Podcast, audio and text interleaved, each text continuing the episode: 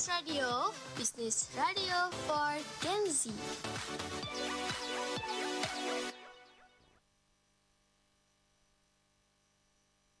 Three, two, one. Build Radio, Business Radio for Gen Z.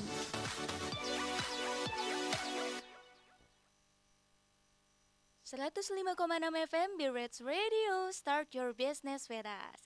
Dalam program TNT Tips and Trick. Halo cuaners, bareng aku Gita.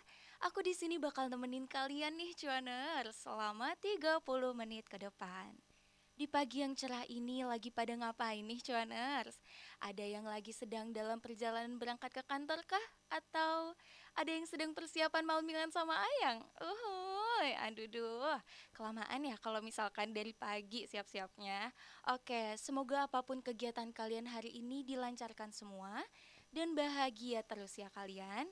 Anyway cuaners, ngomongin soal bisnis nih ya. Kalian kalau mau buat bisnis, apa sih yang kalian pikirin terlebih dahulu? Modalkah atau target pasar kalian? Buat bisnis emang gak gampang sih cuaners. Pasti ada rasa ketakutan kayak, duh nanti kalau nggak laku gimana ya? Duh nanti kalau rugi gimana ya? Kalau kalian emang ada niat dan kemauan mau mulai, kalian harus berani dan percaya. Karena kita nggak bakal tahu nih apa yang bakal terjadi. Kalau kata orang mah, gagal itu sukses yang tertunda ya cuaners. Jadi jangan takut karena itu proses. Cuaners tetap stay tetap stay tune ya. Aku kita bakal bahas tips and trick yang pastinya bermanfaat banget nih cuaners.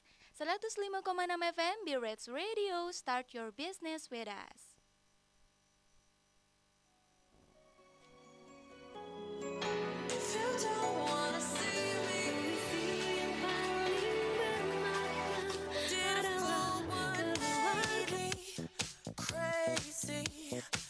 Thinking about the way I was. Did the heartbreak change me?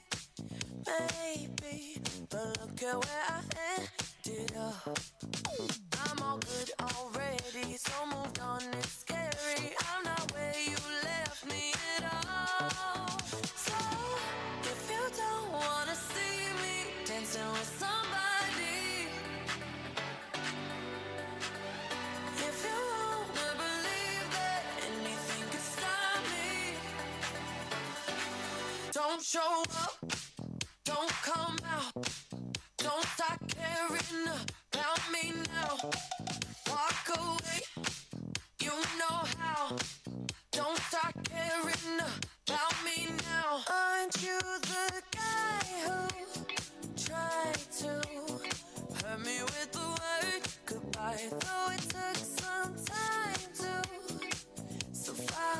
you, I'm better on the other side.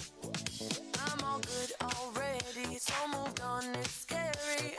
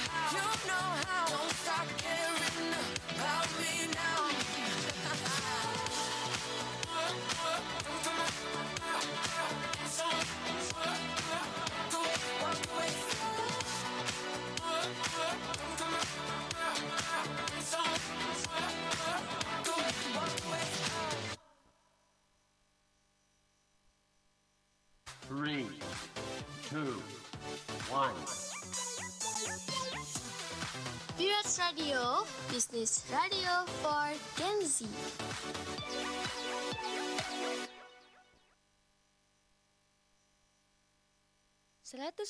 enam FM Radio. Start your business with us Dalam program TNT Tips and Trick. Cuaners, emang ya Namanya ingin memulai sesuatu itu kadang kita perlu mempersiapkan banyak hal nih. Baik dari segi pengetahuan, material, dan banyak lagi Nah, kali ini aku akan membahas seputar penjualan online Sebelum kita masuk ke pembahasan yang lebih mendalam, kita perlu paham dulu nih pengertian jenis-jenis dan dari penjualan online ini. Karena bukan cuma doi aja ya yang perlu dipahami. Oke, jadi menurut KV pada tahun 2000, pemasaran online adalah segala bentuk promosi produk ataupun jasa melalui internet. Penjualan online ini dapat dilakukan dengan menggunakan jasa atau membuat toko di platform online. Jadi mudahnya nih ya, Pemasaran atau penjualan online ini adalah segala bentuk promosi yang cuaners lakukan untuk memasarkan produk secara online.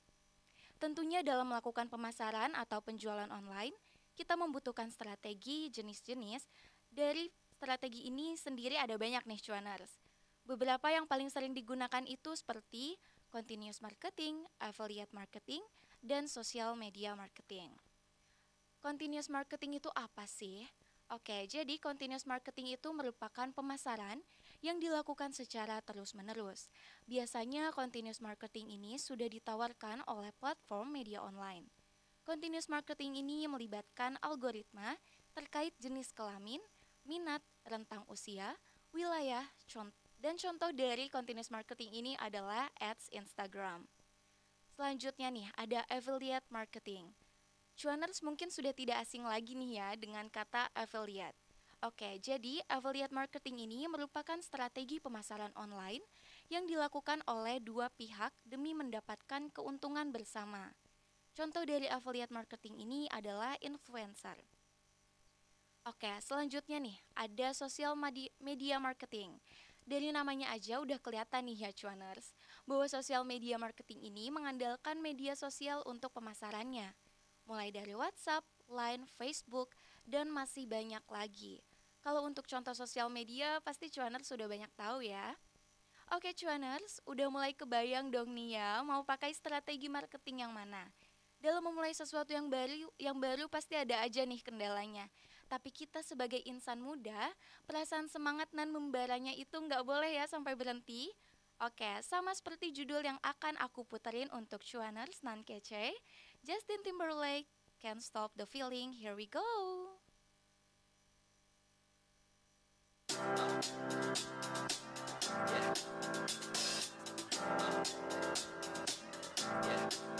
I got this feeling inside my bones. It goes electric wavy when I turn it on. Off from my city, off from my home. We're flying up no ceiling when we in our zone. I got that sunshine in my pocket, got that good soul in my feet. I feel that hot blood in my body when it drops. Ooh, I can't take my eyes off of it, moving so phenomenally.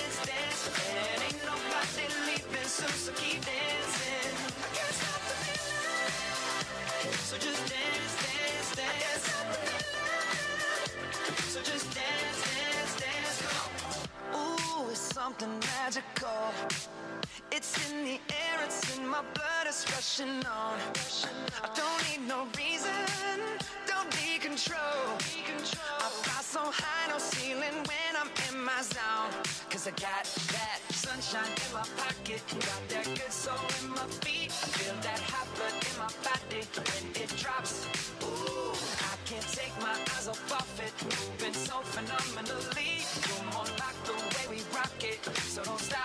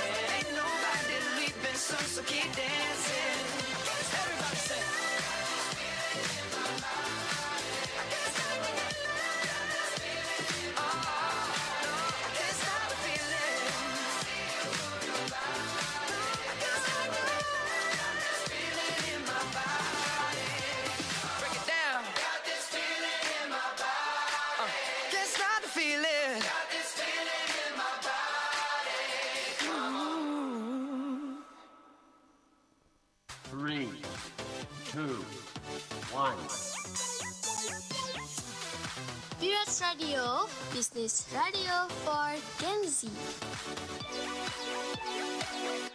105,6 FM Reds Radio, start your business with us. Dalam program TNT Tips and Trick. Hai hai hai cuaners, masih bersama aku Gita. Sekarang kita bakal bahas tentang fase pra penjualan dan penjualan. Oke, kita mulai dari pra penjualan dulu ya cuaners. Sebelum memulai berjualan online, kita harus memilih dulu nih, apa yang mau kita jual. Nah, produk yang kita jual juga harus unik nih cuaners. Maksudnya beda dari produk lain yang sejenis. Kenapa sih? Karena itu akan menjadi sebuah ciri khas produk kita. Di sisi lain juga akan membuat para calon customer menjadi penasaran tentang produk yang kita jual. Nah, cuaners, sebenarnya bukan cuma produk aja yang bisa kita jual. Sebuah jasa juga kita bisa kita jual loh. Banyak jasa yang bisa kita jual di dunia digital ini. Kita ambil contoh misalnya jasa editing, programming, top up game, dan masih banyak lagi. Nah, kalau udah yakin mau jual suatu produk atau jasa, langsung deh atur nama produk dan logonya. Nama produk atau logo harusnya mempunyai filosofi yang baik. Buatlah nama produk yang unik dan menarik. Logo juga tidak boleh kalah dengan yang lain. Dan sebuah logo seharusnya bisa menjadi penarik calon pembeli. Logo juga harus bisa menjadi sebuah ciri khas dan dapat dikenali dengan mudah oleh orang-orang. Kita ambil contoh lagi ya, misalkan produk Acua, Intromi, dan Kakokalo. Dan masih banyak lagi. Pasti cuaner semua bisa membayangkan logo dan warna dari produk-produk yang tadi aku sebutkan. Itulah yang aku maksud dengan sebuah branding produk atau identitas produk. Oh ya cuaners, jangan lupain juga nih sama packaging produk.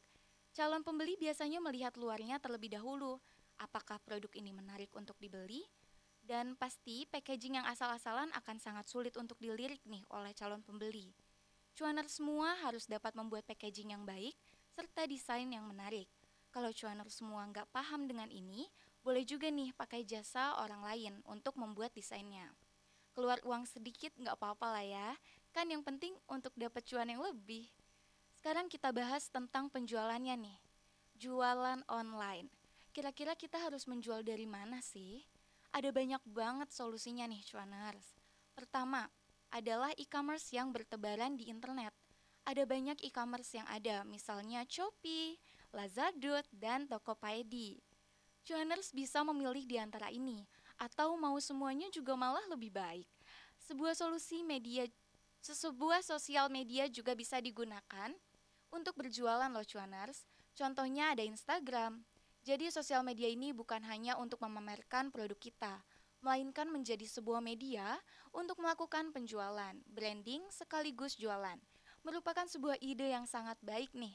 Atau misalnya, cuaners punya budget yang lebih, boleh juga meminta jasa untuk pembuatan website produk cuaners loh. Wah, pasti keren banget nih.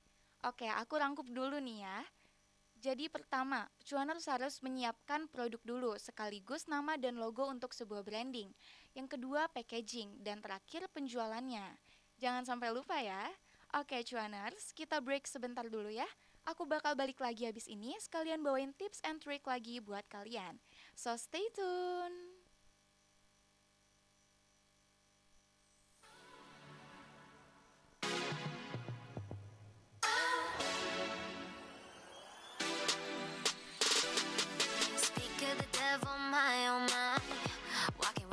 Devilish smile. That's one thing I haven't seen in a while. How have you been since I called you mine? You look so good in this light. Got me reminiscing about our good times. And I know, I know, I know we've been better off alone. But we laugh about old pictures on your phone and I forget. Oh, oh. And you make, you make, you make it easy like if uh, you're still just the way I remember. Tonight I just wanna hear it first. Been a year since we finished. Baby, me and you, we vintage. Mm, But tonight you make me miss it. And I just wanna dance with you like it's summer 1976. Raise my heart rate like it's interest.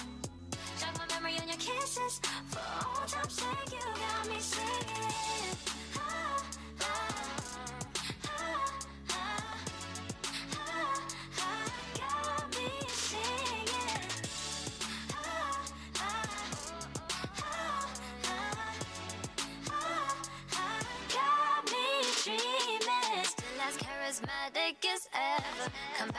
clean and clever.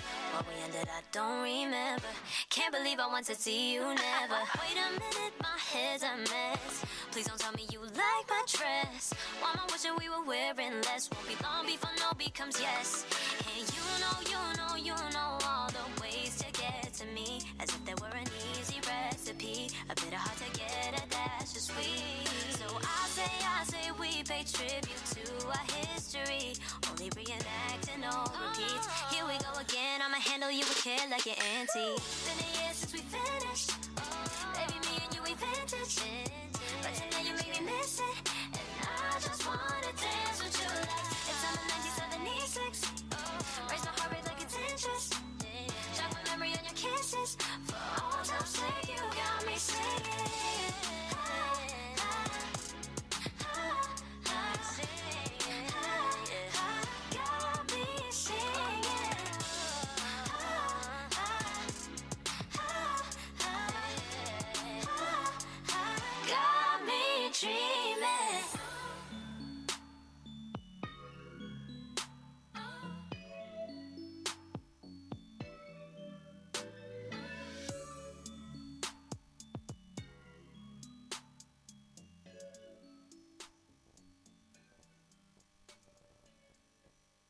Three, two, one.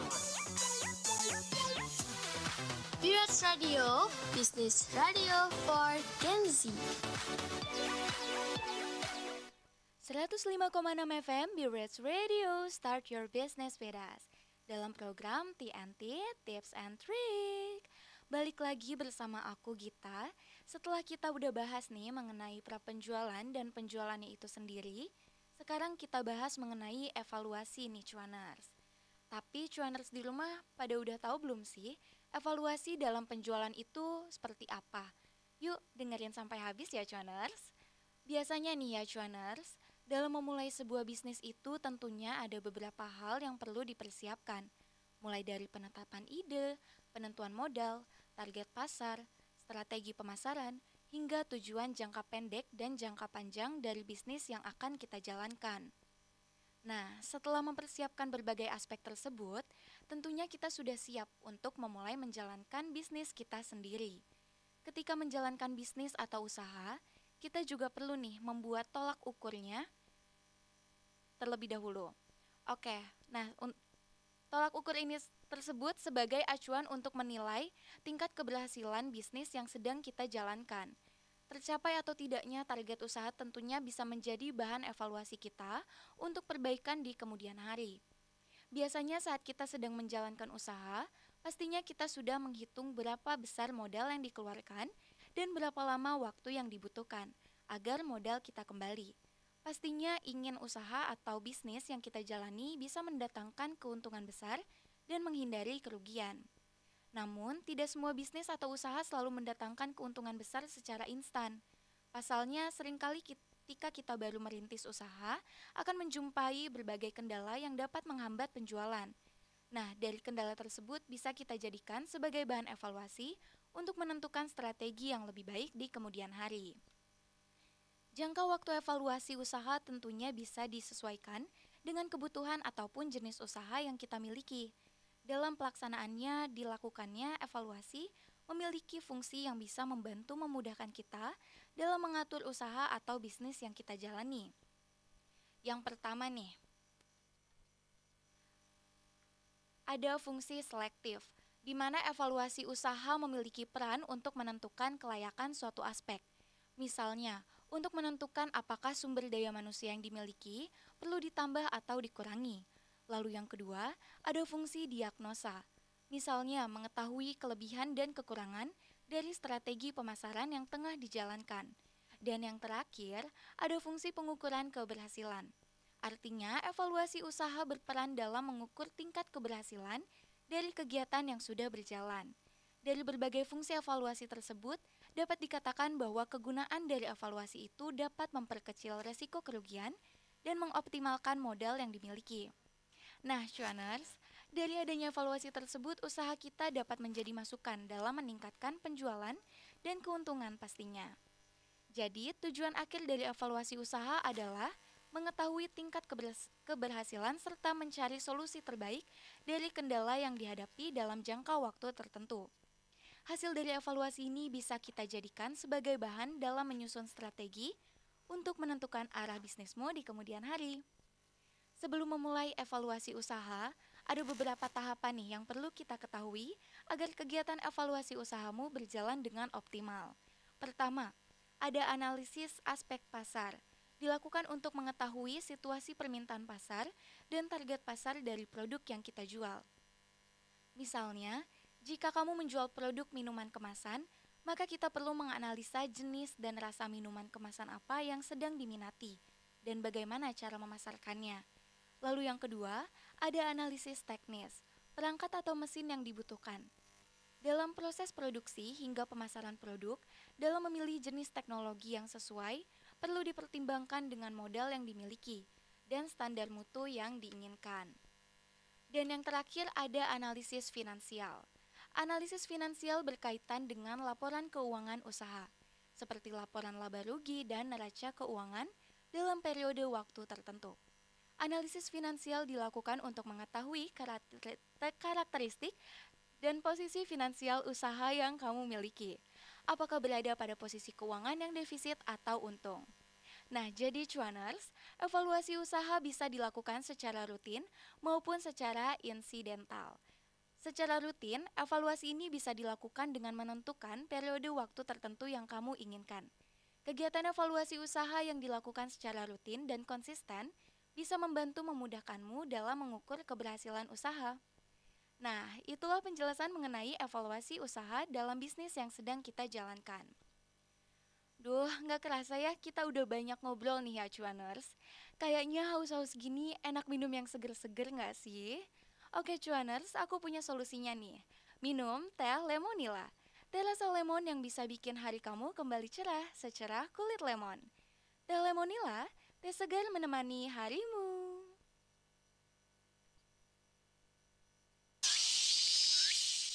Aduh, panas banget nih. Iya nih, terik banget mataharinya. Wah, seger banget tuh kayaknya. Iya, Waduh, nengok lagi orangnya. pura-pura gak lihat aja. Nah, nah, nah, nah, nah. Hei kalian berdua, aku ada sesuatu nih buat kalian. Apa ini? Ini tuh Wing Kiki, minuman isotonik yang bisa menerbangkan rasa kepanasan kalian.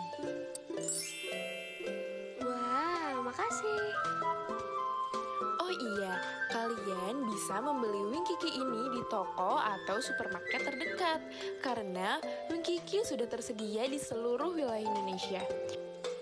Wing Kiki, hilangkan dahaga.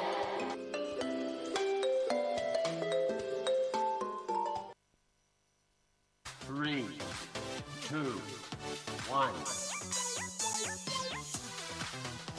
Radio, Business Radio for Gen Z. 105,6 FM B-Rates Radio Start Your Business with Us dalam program TNT Tips and Trick. Halo cuaners, kembali lagi dengan aku Gita. Masih setia dengerin B-Rates Radio kan ya? Topik kita hari ini menarik banget nih ya, seputar bisnis online. Banyak hal yang bisa nambah pengetahuan di sesi hari ini ya. Nah, tidak terasa kita sudah di penghujung sesi nih. Tapi tenang, jangan sedih, jangan galau, kita bakal kembali lagi minggu depan di jam yang sama. Enggak bosen-bosen nih aku ingetin, buat selalu patuhi protokol kesehatan di mana pun kalian berada ya. Aku Gita pamit undur diri, sampai jumpa di B-Reds minggu depan, start your business with us. Bye-bye!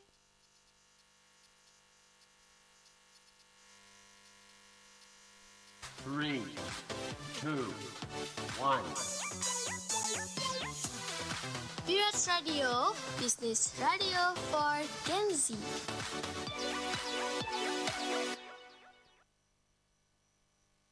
Three, two, one.